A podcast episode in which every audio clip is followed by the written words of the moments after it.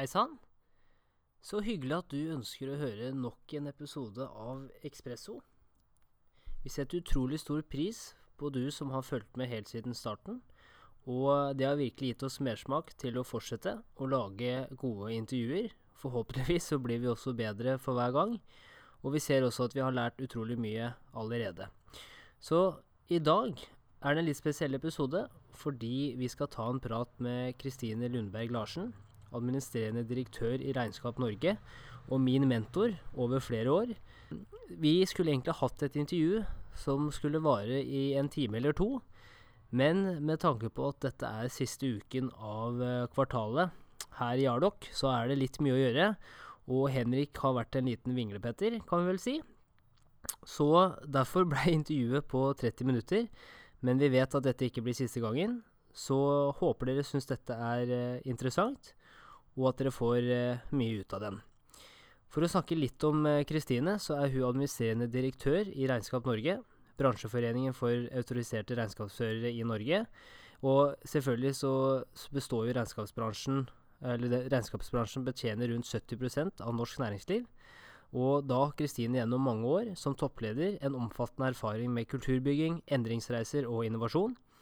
Som dere også kommer til å høre gjennom denne episoden, så har hun et brennende engasjement eh, for, og også er pådriver i omstillingen til et mer bærekraftig næringsliv, og da sirkulær økonomi. Så det vi også snakker litt om, er jo i forhold til at for å lykkes i innovasjon, så trenger vi også nye forretningsmodeller, noe som også påvirker bokføringen og økonomistyringen. Og her har selvfølgelig regnskapsbransjen en viktig rolle. Det er jo mange som har snakket om at uh, regnskapsbransjen står over en kraftig utfordring og kraftig endring, og det er også mange som har påstått at regnskapsførere må finne seg en ny jobb over de neste årene. Det er Kristine tvert uenig i, og hun har allerede demonstrert, sammen med det fantastiske teamet hos Regnskap Norge, at dette er bare tull.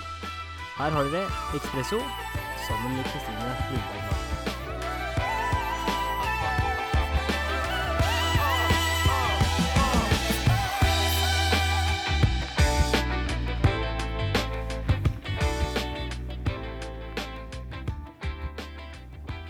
Hei, Kristine. Hei, Henrik. Hvordan går det? Jo, jeg vil si etter forholdene bra. Det har Ja. vært en krevende vår men eh, for oss alle. Men eh, ellers eh, bra. Hvordan har, eh, altså Det spør vi jo alle som har vært med på den serien her nå, da, men hvordan har de siste månedene vært for deg, både i forhold til Regnskap Norge, men også personlig? Ja, jeg eh, er Jeg liker å være sammen med mennesker. Eh, Og det har vært eh, krevende, syns jeg, å sitte på hjemmekontor. Og butt i butt med sånne Teams-møter har gitt meg sånn økende desperasjon utover dagen. Helt sånn tom for energi på slutten av dagen. Så jeg syns eh, eh, det er fascinerende hvordan vi har løfta oss eh, teknologisk, alle sammen. Og det er helt klart mye god læring som vi tar med oss videre med å bruke teknologien mer aktivt. Og slutte å fly land og strand rundt for éntimesmøter osv. Samtidig så merka jeg jo, særlig når vi hadde første dagen tilbake på jobb eh, ute i mai, da, med hele ledergruppa samla rundt bordet, hvor utrolig godt det er, og, og hva som er annerledes når du er der fysisk til stede. Og den, alt det som skjer mellom mennesker som du ikke skjer gjennom en skjerm. De små tingene som er litt sånn det limet sosialt, da. Så det kjente jeg, og det så jeg på kollegaene mine òg, at det ga betydelig mer energi da, å møtes fysisk. Så jeg tror liksom det å fremover velge ut da, hvilke arenaer skal vi faktisk møtes eh, in real life, og hva, hvor kan vi ta det på forskjellige digitale flater. For det er jo veldig mye bra, eller effektivt, og det sparer klima og masse positivt som har kommet ut av det. Um, Men òg veldig mye krevende, og, og særlig for våre medlemmer som betjener eh, altså Regnskapsbransjen betjener 70% av norsk næringsliv. Og du kan si at fra 12. mars så var det jo trykk på ikke sant, hva, hvordan skal vi forstå permitteringsregler, hva gjør vi? ikke sant? Én ting var de som var stengt ned av, eh, av myndighetene, men andre mista jo også kundene over natta, ikke sant? fordi at det ble bråstopp på alt.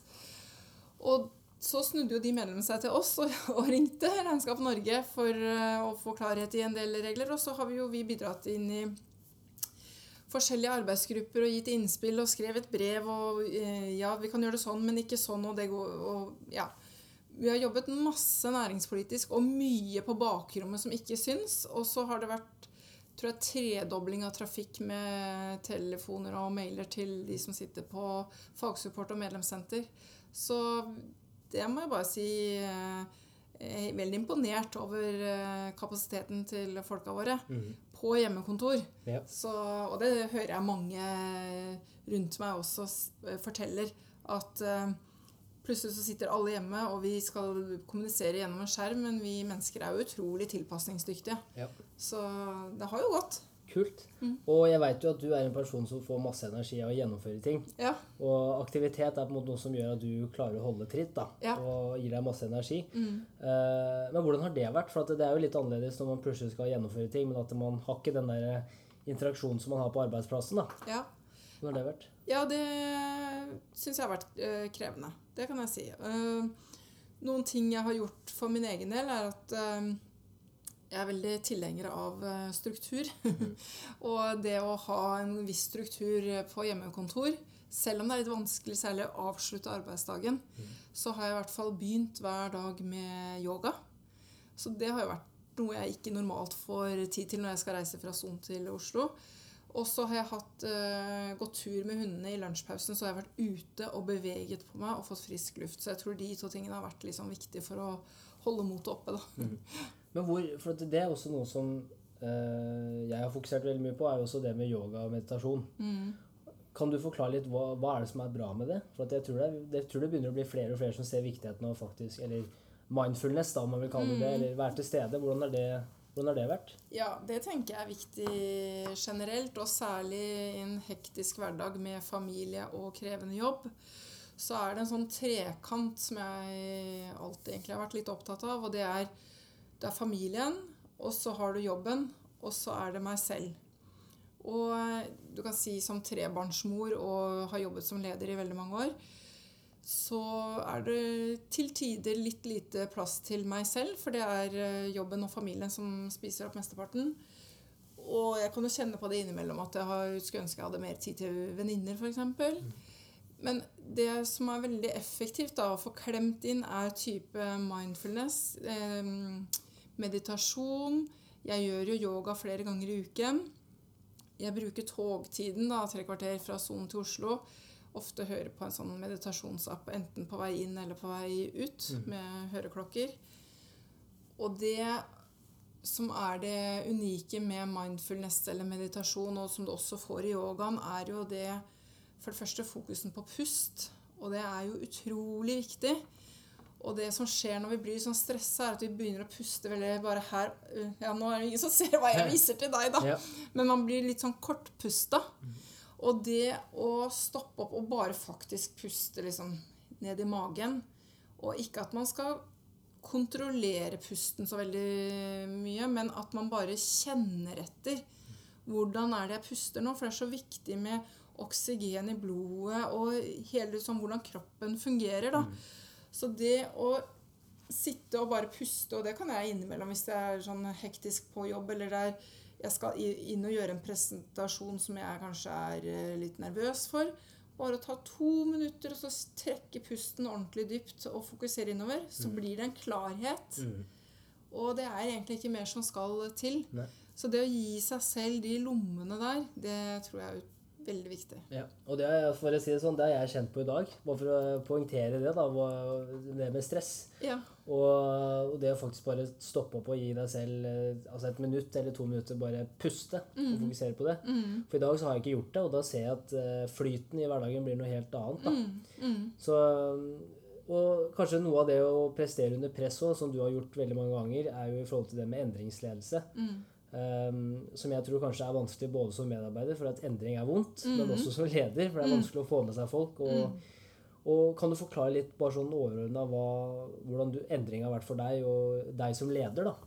Ja, jeg har jo ledet ulike endringsprosesser, både små og store. Jeg har, før jeg kom til Regnskap Norge, jobbet eh, 14 år i gjensidig forsikring i ulike lederroller, og der har det vært mange endringsprosesser. og siste da jeg var direktør for utadrettet salg, så ledet jeg jo Da hadde vi fire parallelle endringsprosesser i forbindelse med det digitale skiftet. Og eh, det var jo krevende, og vi hadde 90 ansatte på tre lokasjoner og et salgsbudsjett på 400 millioner. Så, eh, og, og, budsjettet ble også jekket opp som det ble hvert år. Mm. Samtidig som man skal gjennomføre fire parallelle prosesser, så er det det å skape det momentumet og den felles forståelsen for endring Jeg bare ser det gang på gang. At du undervurderer hvor, hvor mye involvering som trengs. Og nå kan du si den situasjonen vi har vært i nå, er et veldig godt eksempel på når vi kommer i en krisesituasjon. Og det er jo Kotter, sant, som er guruen. Du har Kotters åtte trinn. Eh, og han snakker om burning plattform. Altså det, at, du, eh, eh, at det er noe som skjer som gjør at det rokker ved det bestandige. Mm. Og det, og det, gjør at vi får en felles forståelse, og man ser behovet for endring. Men sånn er det jo ikke alltid. Nå ser vi jo at eh, teknologiske skiftet har gjort et sånn kjempeløft fordi at det var nødvendig. Men ellers så er det jo i etablerte organisasjoner som ruller og går og har god inntjening og må ha gode prosesser, det å da skulle endre for å ligge i forkant av noe noen ser kommer litt lenger ned i veien, det, den investeringen der å få med seg alle sammen til å forstå Fordi at vi blir ofte i sånne prosesser så veldig opptatt av hvor vi skal. Men hvis vi sier at vi skal seile til Bergen, om jeg oppfatter at jeg er i Oslo, og du oppfatter at du er i Trondheim, så er det helt ulik kurs. Så det der å etablere den felles forståelsen for nå-situasjonen og behov for endring, den uh, gang på gang ja. så ryker vi på en liten sånn smell der. Og så får vi noen uh, omkamper, og kan det hende at vi hadde fått noe av det allikevel. Men jeg har erfart i hvert fall de gangene hvor jeg har fått anledning til å ta god nok tid til det, da, mm. så har det tror jeg i sum egentlig vi har brukt mindre tid på hele prosessen. Ja. ja. Og for å få med seg mennesker, og det, det er noe jeg syns er veldig kan være utfordrende selv også, for man har forskjellige utgangspunkt. Man kanskje ser det fra forskjellige vinkler. Mm. Og på en måte det som er viktig for meg, kanskje, eh, eller er kanskje ikke viktig for deg som medarbeider. Fra medarbeider til medarbeider. Mm. Um, men da tenker jeg litt på det som du har nevnt flere ganger før, og det med reptilhjernen. da. Mm. Ta det som eksempel. For jeg, jeg, hørte jo, Du hadde et intervju om det, men du har også nevnt det i flere anledninger når vi har pratet sammen. Mm. Og det er jo at eh, hvis eh, du er avslappa, eller hvis du føler at du er i et trygt miljø, så kan du ta inn mange flere impulser enn hvis du er under stress. Ja, altså du kan Hvis vi bare gjør en sånn veldig grov tredeling av hjernen, da, mm. så har du reptilhjernen, som er det fra urmennesket, som er instinktet. Fight or flight, ikke sant? Og så har du det følelsessenteret som er eh, sant, glede, sorg, eh, sinne, frykt osv. Og så har du hjernebarken, som er intellektet, som skiller mennesket fra dyr. Og som handler om det å kunne resonnere, se seg selv i en større sammenheng og det å se fremover. Så sant, Pattedyrene har jo også det følelsessenteret, mens reptilene har jo bare den reptilhjernen fight or flight. Og det er jo tilbake fra da det var snakk om å spise eller bli spist, ikke sant? Og kommer det en stor eh, bjørn i byksen ut av buskaset, så skal mm. du ikke stå og vurdere hvor vinden blåser. Da skal du bare komme deg i trygghet. Mm. Og det er den Så når reptilhjernen sier at det er trygt, så er det som du sier, da kan vi eh, håndtere fem til syv sanseinntrykk samtidig. Mens eh, hvis den reptilhjernen sier at det er fare, så er vi nede i ett til to mm. sanseinntrykk. Det er f.eks. derfor man er så opptatt av trygge læringsmiljøer i skolen. Fordi et barn som er utrygt, som blir mobba f.eks. og er redd, klarer ikke å få med seg det læreren sier. Og på samme måte så har jeg sett det også i, i endringsprosesser. Jeg har jo gjennomført en stor endringsprosess her i Regnskap Norge. Den organisasjonen ser helt annerledes ut i dag enn den gjorde for to år siden. Og eh, når jeg som leder skal kommunisere rundt en endring, så er jeg naturlig nok veldig opptatt av å få frem fakta. Det ligger tror jeg, liksom, i ryggmargen til en leder.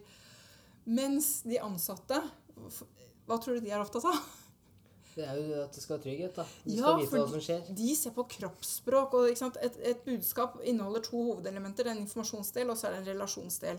Og jo mer krevende budskapet er, jo mer opptatt blir de som lytter.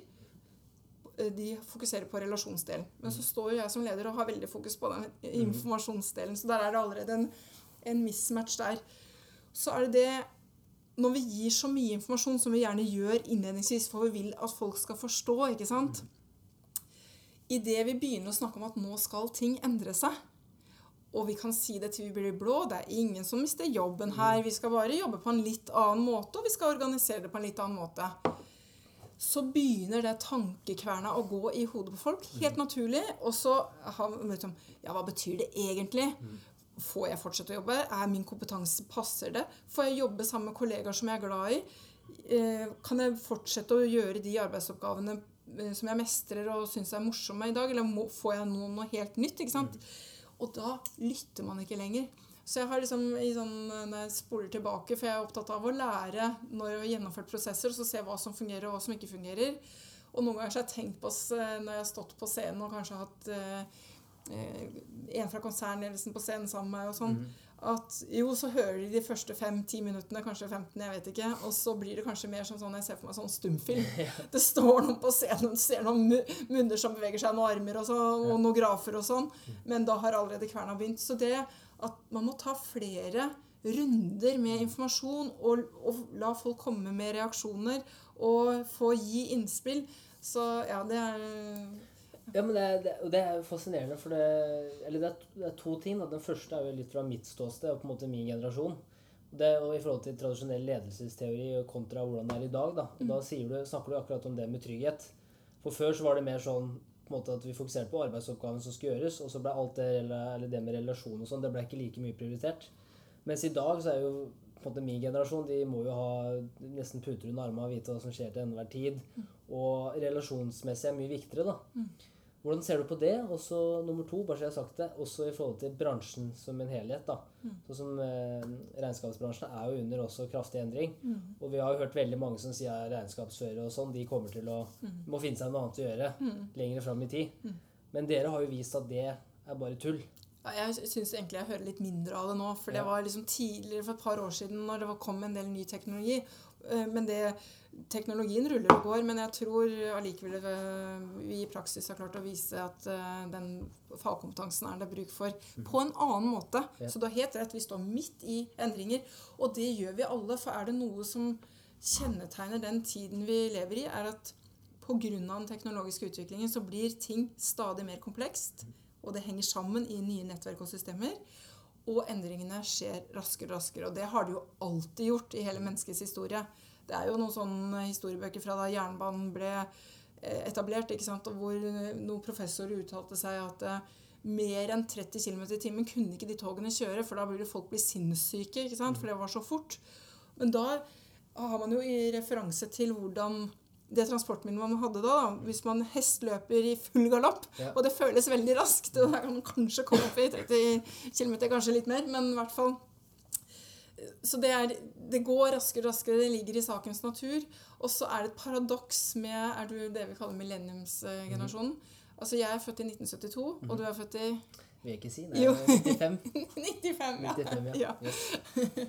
Og vi har jo hatt liksom eh, Det begynte jo også som at du skulle være min young mentor for Ja. en del år siden. Du var jo mentoren min. Det må Ja, også si ja. at Vi møttes jo på Oslo Business Forum Ja. sin første konferanse. Yes. Og da Jeg liker jo å si eh, Det var Chris Hovde som kobla Chris Hovde som, som kobla, så det her må, jeg, det må ikke dama gjøre, da. Men jeg liker jo å påstå at det var kjærlighet ved første Ja. blikk.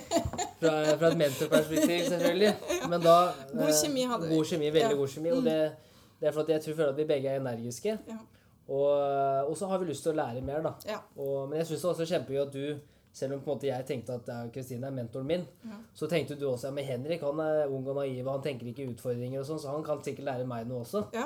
Så det var litt morsom, Ja. eh, morsom kjenning. Ja. Jeg, tenkte at du var veldig eh, oppegående, fremme i skoa, kunne mye om ny teknologi, så jeg tenkte at jeg hadde mye å lære av deg. Det hadde jeg òg. Jeg syns jeg har hatt veldig gode samtaler. Ja. Kult. Ja.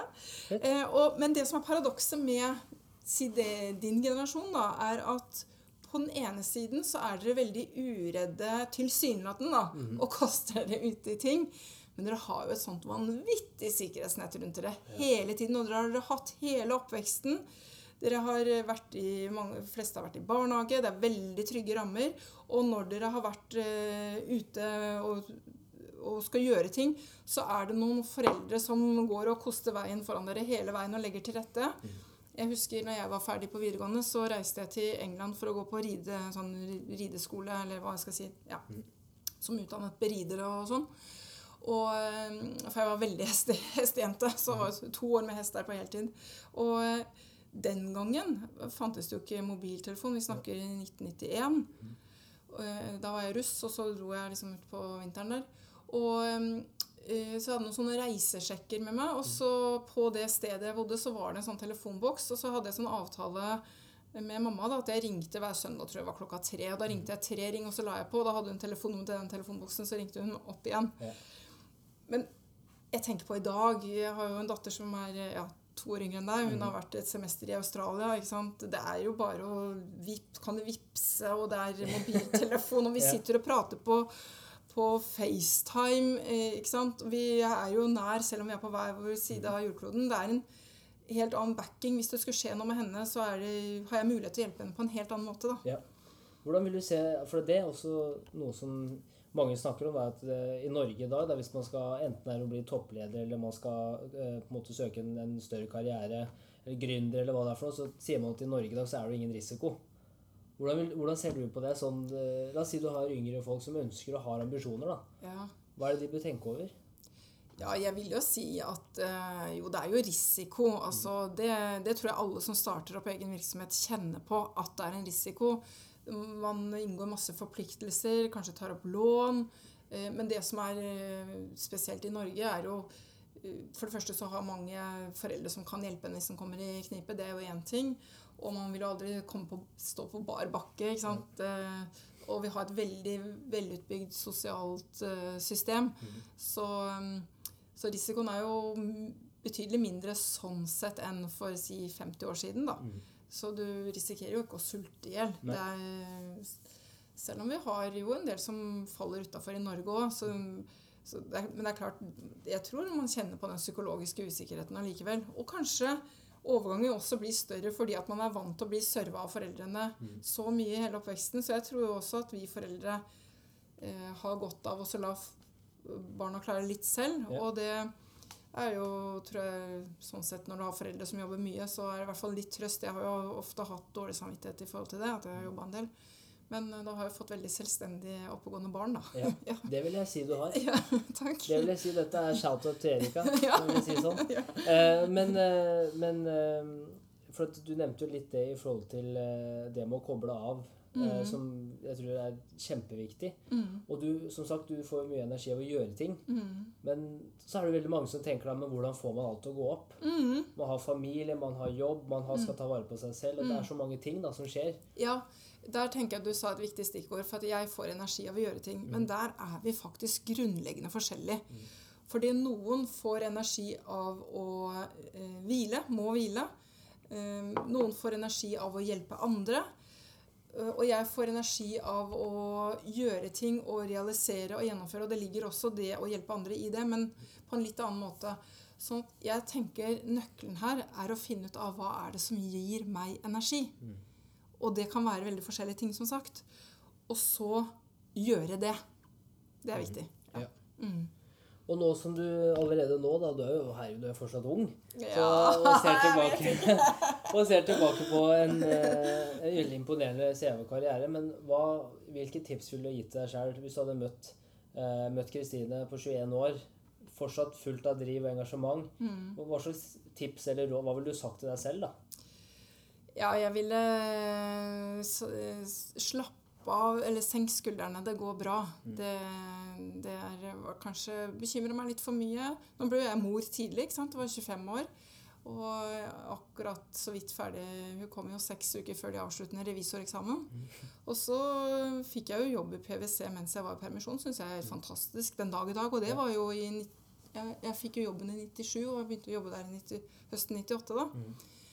Og eh, og var veldig opptatt av å prestere. Og, og det tenker jeg at det, hvis man vil noe vei, så må man jo levere. Det, det må man. Men jeg, jeg, hadde ikke trengt å bekymre meg så mye. Og så eh, Nå går jeg inn i et lite minefelt, da, kjenner jeg. Men uh, i forhold til det at jeg er uh, dame, da, mm. så tror jeg at vi bærer litt på en sånn historisk uh, bør med at det har tradisjonelt vært menn i maktposisjoner. Og det er mange nok historier av damer som på en måte har ligget seg til eh, goder eller mm. posisjoner. Sånn at jeg ser på meg selv og en del rundt meg at vi er veldig, Jeg har selv vært veldig opptatt av at ingen skal ta meg i å smiske eller mm. liksom bruke det at jeg er kvinne på noe fordelaktig måte. Ja. Men baksiden ved det er at jeg kanskje har, blitt, har vært litt lite fleksibel. Mm. ikke sant? Så i. For i forskjellige Da jeg var ny som, ny som leder og, så, og, var inne og møte med Og stort sett var bare mannlige kollegaer, så vet du hvordan det er. Det er stort sett kvinnen som får øh, jobben med å skrive referat mm. og, og, organisere. Og så var jeg litt sånn sta på det, da. Tenker jeg ettertid. Kunne bare slappe av litt. Jeg, men, jeg, mener ikke at det er riktig at det er sånn, men mm gi litt mer F da, og bare gjør det. Vær litt mer eh, smidig og fleksibel. Det mm. er kanskje noe som jeg har lært meg. Ja.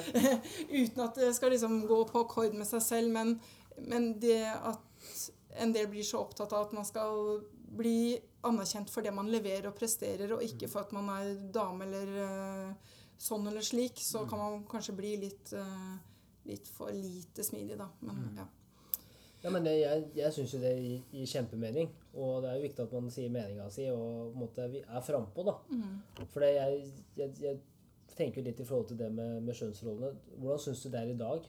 Altså sånn Din egen erfaring og det du ser som toppleder. Mm. Altså, på en måte Er det fortsatt selv om, For det er, jo, det er jo, ting er jo ikke som du skal. Men, Nei, åpenbart din, ikke. ja, men hva er din opplevelse sånn de, de senere åra og sånn?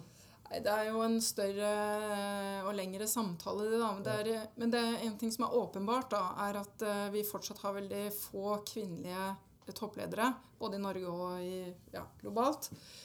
Eh, sånn at det, den debatten som har vært, og som blusser opp med jevne mellomrom, den går jo bare i ring. Mm. Og det er jo åpenbart at vi ikke har kommet til kjernen ved problemet. Nei.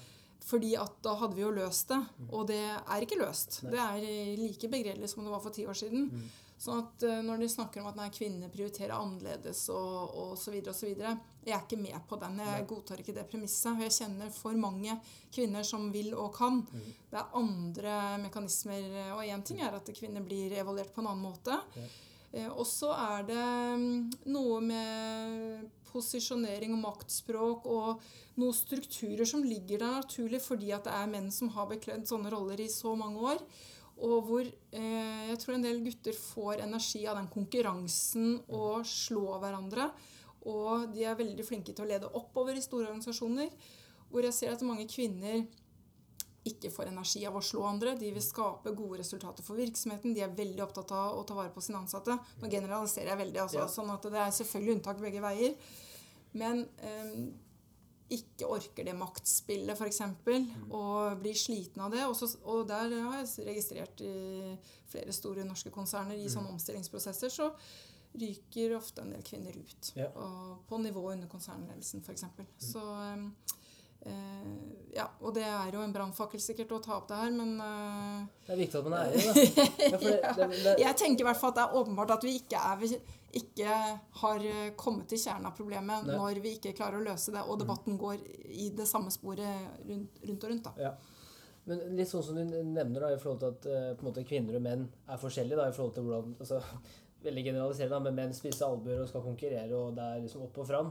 Mens kvinner ønsker å tenke mer på, på måte, resultat for bedriften da, og samholdet som en helhet. Hva, hva tror du, hvordan tror du vi kan, hvordan kan vi sørge for at menn og kvinner kan jobbe bedre sammen? da?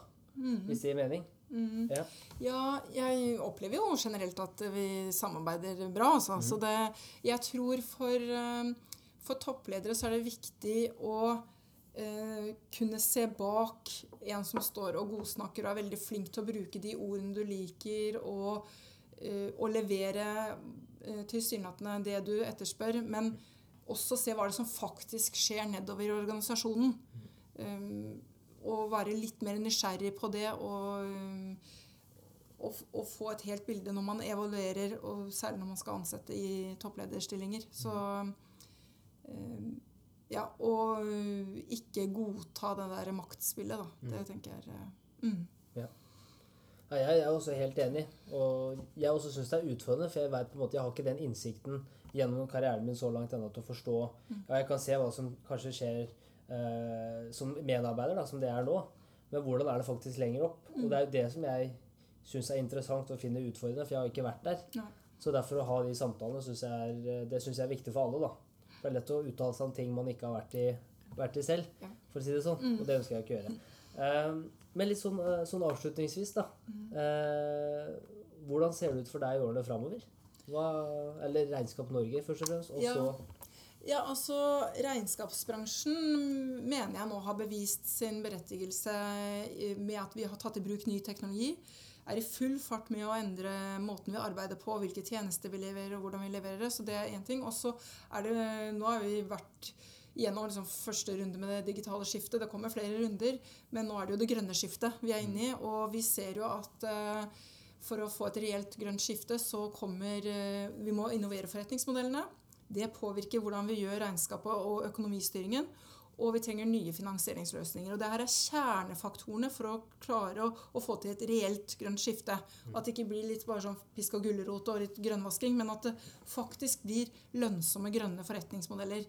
Og i det bildet der så ligger det en kjempemulighet for å utvikle tjenestene sine for regnskapsbransjen. Så det er vi i full gang med. Og vi har jo nå fått eh, finansiering fra Nordic Innovation eh, bare for et par uker siden i et eh, prosjekt sammen med vår søsterforening i Sverige og Finland med å utvikle en nordisk standard for bærekraftsrapportering for små og mellomstore virksomheter. Og det, er, eh, det finnes ikke i dag. Det er bare for de store børsnoterte.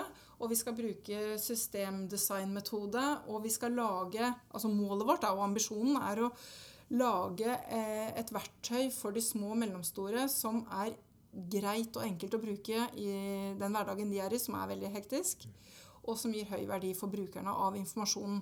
Fordi at skal du være, eh, være med på gamet fremover og levere til de store selskapene og til kommune og offentlige anbud osv., så, videre, så må du kunne dokumentere at du er klimavennlig både produkter og, og, og i tjenesteproduksjonen.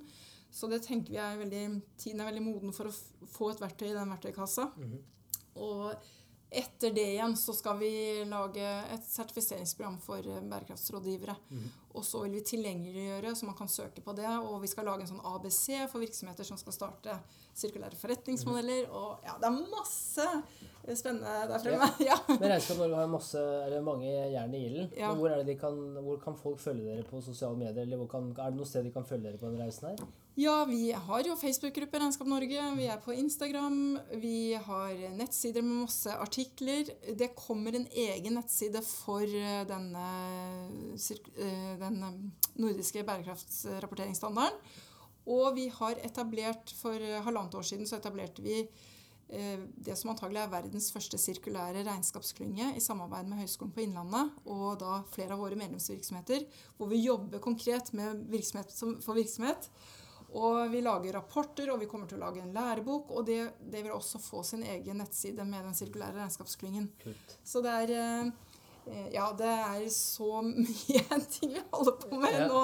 I, og også med teknologi og hvordan bruke det på en smart måte, sånn at vi slipper å bruke fagkompetansen på å bare sitte med rutineoppgaver, men kan virkelig bruke det til å gi økt verdi til kundene. Ja. Så ja, nettsider og Facebook og Instagram det er liksom det viktigste. Og LinkedIn. Og LinkedIn. Jeg sier jo bare 'herregud, her må vi ha oppfølgingssamtale'. Ja. For sånn, eh, så blir det når Henrik har en eh, hektisk hverdag og bare løper fra ting til ting. Men, men jeg hadde jo forberedt én ting, da, Ja. Henrik. Hvis jeg klarer Ja, ja. skvise ned på tampen. Jeg har sånn syv råd til organisasjoner i endring. Yes, kult. Kan jeg bare få liksom, ja, avslutte med det? Mic drop. Jep.